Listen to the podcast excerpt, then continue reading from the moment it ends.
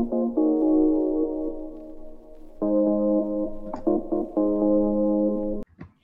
semua, welcome back to our podcast, Batari Podcast. Every day is Batari Day. Buat kalian yang belum tahu nih apa itu Batari, biar aku jelasin dulu ya. Batari itu artinya adalah dewi-dewi cantik. Persis kayak tiga dewi cantik yang bentar lagi akan berbincang nih. Dengan saya sendiri, Andaru, dan dua teman saya, Kak Jamila dan Kak Luri. Kalau soal paras, jangan ditanya lagi. Kita bertiga cantik-cantik lah jelas. Namanya juga Batari Podcast, ya enggak? Tapi saya mau tanya nih ke mereka, kalau soal kepekaan lingkungan, kira-kira mereka masih bisa dibilang cantik nggak ya? Saya hari dulu dong kakak-kakak cantik. Hai Kak Jamila, hai Kak Luri. Halo. Hai. Hmm, dua bidadari-bidadari cantik ini akan saya tanya nih. Yang pertama adalah mengenai isu yang jarang banget sih sebenarnya diangkat oleh orang, tapi jadi masalah besar kalau nggak ada yang ngangkat masalah ini dan nggak ada yang peduli soal ini, yaitu adalah tentang food waste. Atau kalian juga pernah lah pasti dikit-dikit dengar food loss atau food waste. Kita tes dulu nih ya Dewi-Dewi cantik ini dari Kak Jamila dulu deh. Kak Jamila, kira-kira Kak Jamila tahu nggak sih apa itu food waste? Tahu dong. Uh, apa sih sebenarnya food waste itu? Sebelum ke pengertian food waste, mungkin pada belum tahu nih perbedaan antara food loss sama food waste. Keduanya memang mendeskripsikan tentang pangan yang terbuang begitu saja dan akhirnya jadi limbah. Nah, bedanya kalau food loss ini kehilangan pangan yang terjadi karena proses produksi seperti pasca panen, distribusi, dan lain-lain yang disebabkan karena kurangnya sarana dan prasarana produksi seperti kurangnya teknologi, transportasi, dan lain-lain yang menyebabkan pangan tersebut menjadi mudah rusak. Permasalahan food loss bisa diakibatkan oleh seperti pangan tersebut tidak sesuai dengan mutu yang diinginkan pasar, permasalahan dalam penyimpanan, penanganan, pengemasan dari pangan tersebut, sehingga produsen itu memutuskan untuk membuang pangan tersebut karena ditolak oleh pasar. Di Indonesia sendiri, kasus food loss itu sudah banyak terjadi nih. Sebagai contoh, pada tahun 2019, yakni yang terjadi di daerah tempat saya tinggal, yaitu di Banyuwangi, di mana para petani buah naga membuang buah naga yang masih segar itu ke sungai. Keadaan ini kan sangat disayangkan ya.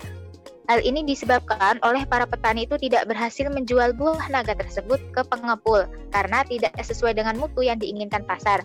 Padahal buah-buah naga tersebut masih layak untuk dikonsumsi. Dan juga waktu itu harga yang sangat anjlok dari buah naga tersebut, sekitar 1.500 sampai 2.000 per kilogramnya. Ada juga nih kasus lain. Uh, ini ada di Kabupaten Jember, tempat tinggalnya Kak Luri. Ya kan Kak? Ya betul betul. Nah itu terjadi pada tahun ini, pada tahun 2020 ini, baru-baru kemarin itu uh, para petani kubis di Kabupaten Jember itu memilih tidak melakukan panen terhadap tanaman kubisnya. Mereka pun membiarkan tanamannya itu kering dan membusuk. Bahkan sebagiannya tuh dirusak sendiri. Kurang lebih 100 hektar tanaman kubis yang dibiarkan membusuk dan tidak dipanen. Hal ini dilakukan karena harga jual kubis tuh yang menurun drastis, yakni sebesar 300 rupiah per kilogram. Bayangin dong, cuma 300 rupiah per kilogram itu kan benar-benar sangat sangat sangat murah gitu. Yes murah banget. Iya kan? Iya benar, sangat murah banget itu. Murah banget sih kak. Kayak kita yang biasanya 300 aja dapat permen, ini bisa dapat kubis satu kilo lagi ya kan? Iya benar-benar sekali. Nah hal itu tuh dilakukan karena uh, jika dipanen uang hasil penjualan kubis itu tidak bisa menutupi biaya untuk upah buruh panen dan juga biaya sewa angkut kendaraan untuk membawa kubis ke pasar sehingga menyebabkan food loss gitu. Nah, sedangkan untuk pengertian dari food waste itu, food waste itu tuh merupakan pangan yang terbuang atau limbah pangan yang berhubungan dengan kebiasaan dan perilaku konsumennya. Food waste itu mengacu kepada makanan yang dibuang di mana produk makanan tersebut masih aman dan bergizi untuk dikonsumsi. Contoh kecilnya saja ya, e, ketika kita tidak menghabiskan makanan nih di piring kita. Nah, sisa makanan itu kan pasti dibuang ya. Nah itu yang menjadi sampah makanan atau food waste. Jadi kayak gitu ya kak ya pengetahuan baru nih ya buat kita soal food loss dan food waste ya kan makanya pantengin terus nih podcast dari Batari podcastnya orang-orang cantik dan edukatif bener nggak kak? Iya betul Bener banget. sekali. Nah, dari yang saya ambil dari kata Kak Jamilah nih, sebenarnya kayak kubis atau buah naganya itu kalau bisa kita salurkan ke orang-orang lain, enak juga sih ya kayak maksudnya yang nyalurin juga dapat pahala, yang menerima juga dapat senang dan gak ada lagi tuh yang namanya food loss atau food waste, bener kan kak? Iya betul betul. Benar banget.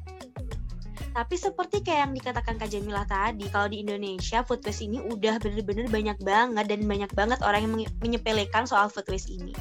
Jadi kalau sekarang menurut Kaluri deh, menurut Kaluri kenapa sih isu food waste ini perlu dan penting banget buat kita bicarain di sini? Nah, masalah food waste ini memang benar-benar penting untuk kita angkat loh. Kenapa? Soalnya masalah food waste ini ya, itu berdampak terhadap beberapa aspek, seperti aspek perekonomian, lingkungan hidup, juga ketahanan pangan per tahun dari suatu negara. Nah, negara kita sendiri, negara Indonesia, faktanya itu tercatat sebagai negara pembuang sampah makanan terbesar kedua di dunia loh, setelah Arab Saudi. Nah, sebenarnya itu bukan prestasi yang harus kita banggakan kan? Tapi itu sebagai bahan evaluasi kalau kita tuh sering membuang makanan. Nah, jika diperkirakan ya, dalam per tahunnya itu, sampah makanan di Indonesia itu mencapai 1,3 juta ton. Nah, jika dinominalkan, itu sekitar 27 triliun rupiah yang kita buang ke tempat pembuangan akhir. Jadi setiap warga negara Indonesia itu membuang sekitar 300 kg sampah makanan per tahunnya. Nah, tumpukan sampah makanan ini itu akan menghasilkan gas metana. Nah, gas metana ini merupakan gas emisi rumah kaca yang 21 kali lipat lebih berbahaya dibandingkan gas karbon dioksida. Parah nggak sih kok sudah sampai seperti ini? Seserem itu ya, Iya, kak bener. ternyata. Iya, Bener sama. banget. Terus uang eh, sebesar 27 triliun rupiah tadi bisa membayar utang-utang Indonesia loh sebenarnya. Iya kan ya? Ya, betul, betul Bener banget itu. banget ya ampun. Jadi dari food waste yang dilakukan oleh satu orang yang kita anggap itu kecil, kalau dilakukan oleh 10.000 orang, satu juta orang, berpuluh-puluh juta orang, bisa menjadikan Indonesia sebagai negara kedua paling besar food waste-nya setelah Arab. Bener nggak kak? Ya ampun. Ya bener banget itu. Hmm, selain gas emisi yang di udah dijelasin sama Kak Ulan tadi nih, kalau menurut Kak Jamilah apa sih Kak dampak dari food waste yang lain? Nah, kalau dari dampak food waste nih, dari sektor ekonomi tadi udah jelas ya dibahas sama Kak Luri itu yang per tahunnya tuh bisa membuang sebesar 27 triliun rupiah.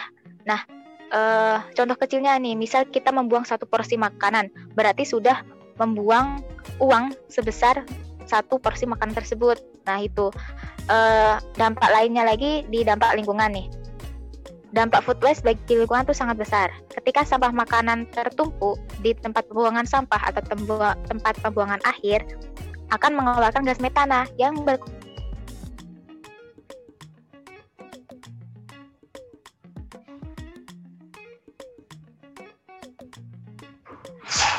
juga eh, food waste ini adalah seni karena makanan dibuang padahal di lain sisi ada 19,4 juta orang Indonesia itu masih mengalami kelaparan dan juga malnutrisi.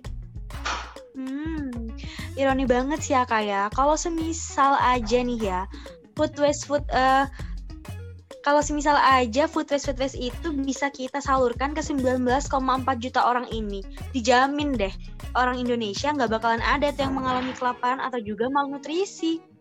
Jadi ironi banget sih sebenarnya food waste ini ya kan kak. Ya bener banget. Kalau dari tadi kita udah ngebahas orang lain nih, sekarang saya mau nanya deh ke kakak Jamila sama kakak Luri. Kalian ada nggak sih kak pengalaman mengenai food waste ini?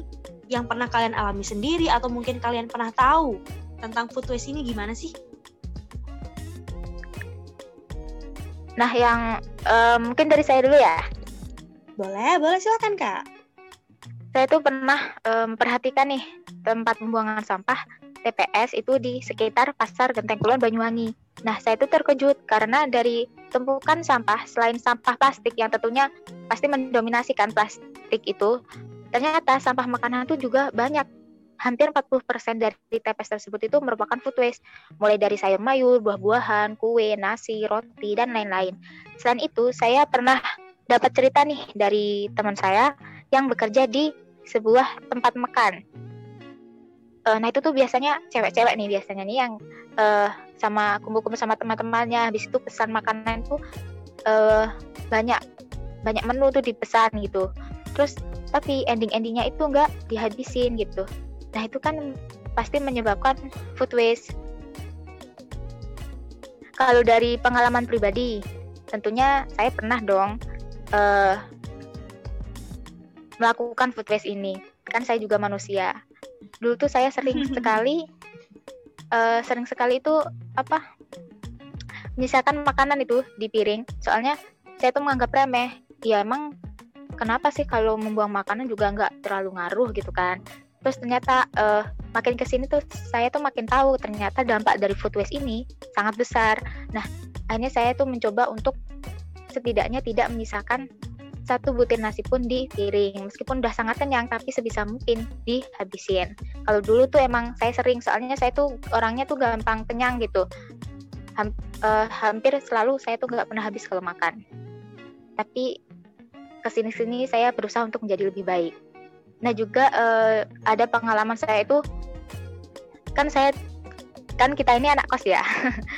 Uh, saya pernah uh, belanja makanan-makanan itu kan biasanya belanja bulanan itu tuh belanja waktu itu banyak banget. Soalnya kan emang emang pengen ya. Habis itu uh, ada roti roti yang sudah kadaluarsa gitu. Nah kan ya nah saya tuh lupa gitu. Dan juga saya tuh nggak nafsu juga mau makan roti. Jadi kan akhirnya sampai kadaluarsa akhirnya tuh padahal tuh masih hampir sebungkus gitu cuma masih uh, masih berkurang satu atau dua lembar gitu. Nah itu tuh sayang banget sebenarnya itu kan bisa menimbulkan food waste juga gitu. Itu sih dari saya. Hmm, kayak gitu ya kak ya. Jadi kita sebagai manusia juga nggak bisa bohong dong ya kalau kita pasti pernah yang melakukan yang namanya food waste. Apalagi buat orang-orang yang nggak tahu nih kayak kita kita dulu pasti kita juga nggak tahu kan kak. Kalau ternyata dampak dari makanan yang kita buang itu bisa segininya dampaknya. Ya bener nggak? Bener kan kak? Iya bener-bener banget.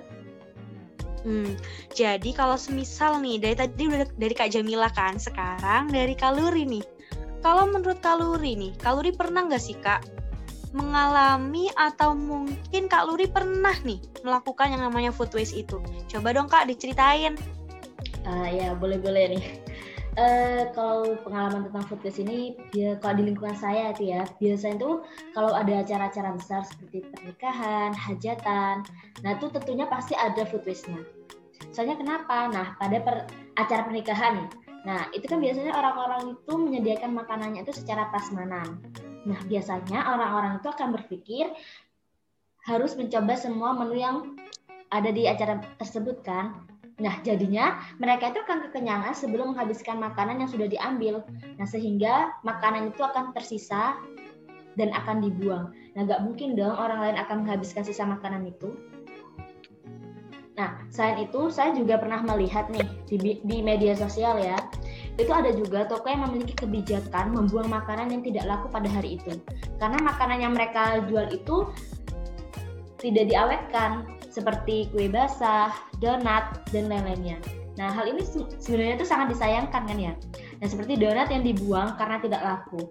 Padahal, kenapa tidak menerapkan kebijakan seperti donat yang tidak laku itu diberikan kepada orang yang membutuhkan? Nah, maksudnya itu donat yang masih layak untuk dimakan kan ya. Nah, dengan membagi donat-donat ini tentunya itu kita juga telah memperhatikan orang-orang sekitar kita juga kan. Nah, selain itu uh, untuk pengalaman dari saya sendiri ya pastinya pernah lah melakukan food waste ini. Nah saat itu saya tuh di sebuah acara pernikahan saudara saya yang dilakukan di gedung besar dan itu pastinya tuh banyak sekali stand makanan dan minuman yang tersedia. Mulai dari makanan yang berat, eh, jajanan tradisional, minuman yang hangat hingga dingin. Nah, otomatis saya dengan perasaan manusiawi saya ya, kalau melihat seperti itu kan seperti duh harus mencoba nih harus mencoba semuanya seperti itu enggak sih kak? Hmm, bener banget kak. Iya, Pasti bener-bener kita pengen nggak nyoba semua ya. makanan di sana, apalagi yang belum kita makan. Tujuannya adalah nggak mau rugi, seperti Iya, kata Kak betul, Jamila bener tadi. Betul, Iya, mau benar-benar. rugi. Nah, dari situ, tapi tuh saya tuh mengambil makanan yang disajikan itu dengan sedikit-sedikit. Nah, akan tetapi tetap saja saya tuh melakukan food waste ini. Kenapa? Karena eh, setiap makanan yang- dihidangkan belum tentu tuh cocok dengan lidah saya kan. Karena eh, makanan yang disajikan itu tidak harus eh, tidak harus dicocoki lidah para tamu seperti apa kan. Nah, dari situ karena tidak cocok dengan lidah saya sehingga makanan itu tidak saya habiskan. Kemudian saya taruh eh, sisa makanan itu ke piring kotor. Nah saat saya menaruh di piring kotor itu nah tidak hanya saya saja yang menyisakan makanan tetapi eh, para tamu yang lainnya itu juga menyisakan makanan. Nah sehingga itu yang menimbulkan food itu. Mungkin itu aja sih dari pengalaman saya. Tuh, jadi ya kita nggak bisa bohong lah ya kalau kita semua seperti yang saya katakan tadi pasti pernah melakukan food waste. Nah, Ya. dengan adanya Batari Podcast ini, apalagi kita lagi bahas isu food waste nih, pasti semua listener kita tahu dong kalau food waste itu dampaknya bener-bener enggak banget, apalagi buat Indonesia kita ini. Jadi ayo dong kita stop food waste ini ya. Nah, tapi untuk memberhentikan yang namanya food waste ini kak, pasti ada solusi-solusi dong dari dewi-dewi cantik kita ini. Kita tanyain dong ya, apa aja sih menurut mereka solusi-solusi dari food waste ini? Maksudnya em, solusi buat meminimalisir food waste lah. Gimana nih kak? Mau dari Kak Jamila dulu deh. Oke oke. Eh, saya kan lebih ke itu ya, mungkin dari pemerintah Indonesia nih. Saya khususkan ke pemerintahan di Indonesia. Kan Indonesia ini kan belum punya peraturan yang mengatur tentang food waste. Nah, negara yang paling bagus mengatur food waste itu adalah ada yang tahu? Eh, Jepang Eh, enggak bukan negara- Arab ya kak ya pastinya ya kak ya. Bukanlah, bukanlah. Juga bukan Indonesia. Aduh. Terus negara mana kak? ayo, mana ayo? Jepang Em, Jepang mana ya? Jepang Jepang ini Jepang ya? Bukan, bukan. Cina, Eh, Cina negara kak? yang bukan bukan bukan yang benar itu adalah negara Prancis Uh, yang ada menara. Eiffelnya itu Heeh, kenapa tuh kak? Kenapa tuh kak? Kok bisa sih kak Kan- Prancis dinobatkan sebagai eh, yang paling pinter menangani food waste? Emang ada apanya sih kak di Prancis? Apa gara-gara ada menara Eiffelnya nih? nah apa Prancis ini punya kebijakan dan juga itu eh, pemerintahnya itu juga mendukung pengurangan dari food waste misalnya nih eh, contoh supermarket itu dilarang membuang makanan yang masih bisa dikonsumsi maka harus disumbangkan ke food bank yang nantinya food bank ini mendistribusikan makanan tadi ke panti asuhan atau lembaga-lembaga lain yang membutuhkan. Kalau di Indonesia ini kan belum ada nih peraturan atau regulasi mengenai food waste. Isu ini aja jarang diangkat untuk dibahas. Padahal food waste ini penting. Bercermin dari negara Prancis, diharapkan pemerintah Indonesia itu dapat buat regulasi mengenai food waste dan juga membentuk food bank untuk menanggulangi food waste ini. Tapi tahu nggak sih eh, kalau sebenarnya di Indonesia itu sudah ada food bank loh. Enggak, belum tahu nih kak. Cerita dong kak.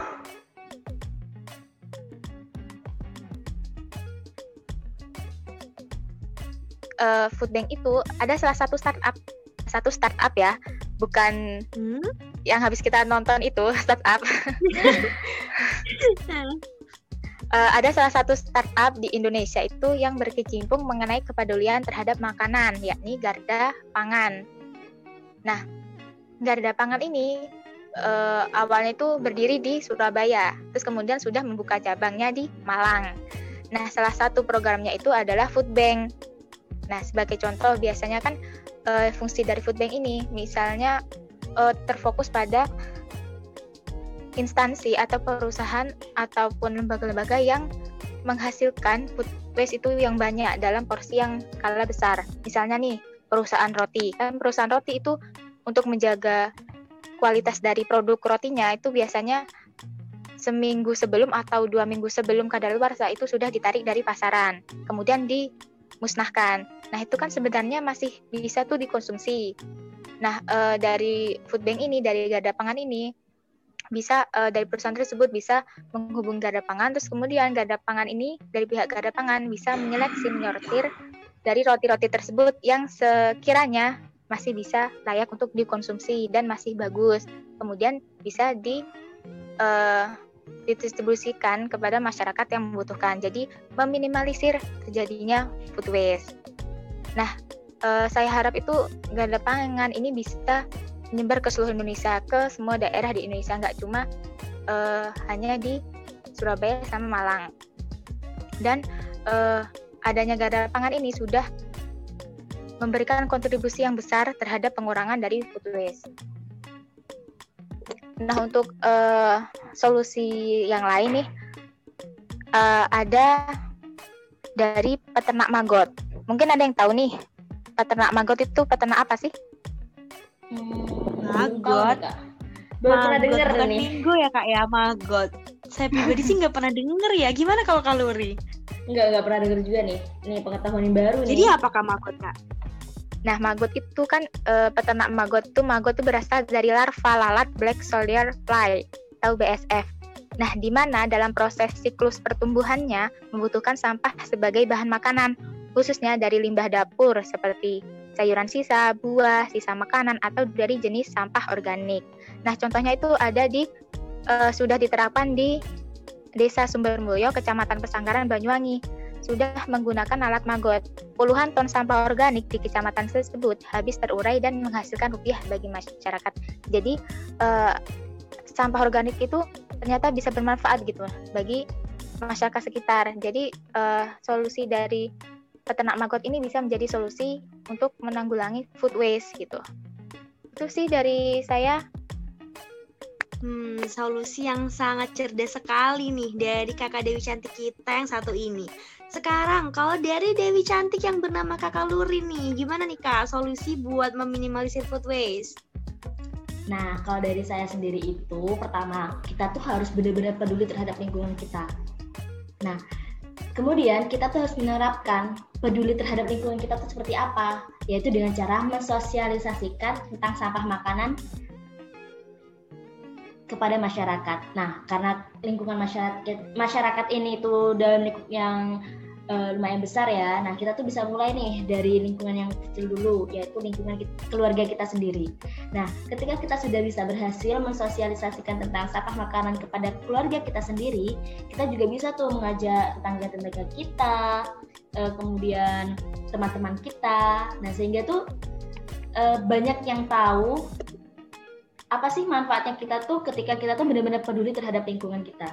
Nah, kemudian tuh kita juga bisa nih kalau membelanjakan membeli makanan, eh, belanja kebutuhan rumah, itu kita tuh bisa membuat list itu ya, list barang-barang yang akan kita beli, makanan-makanan yang akan kita beli sehingga nanti saat kita berbelanja itu kita tuh tidak berlebihan dalam berbelanja. Kemudian kita tuh juga bisa melihat uh, anu ya masa kadaluarsanya ya seperti kasus Kak Jamila yang tadi tentang roti karena tidak melihat kadaluarsanya sehingga menjadi basi ya Kak. Iya iya iya. Nah, ya, benar banget benar banget.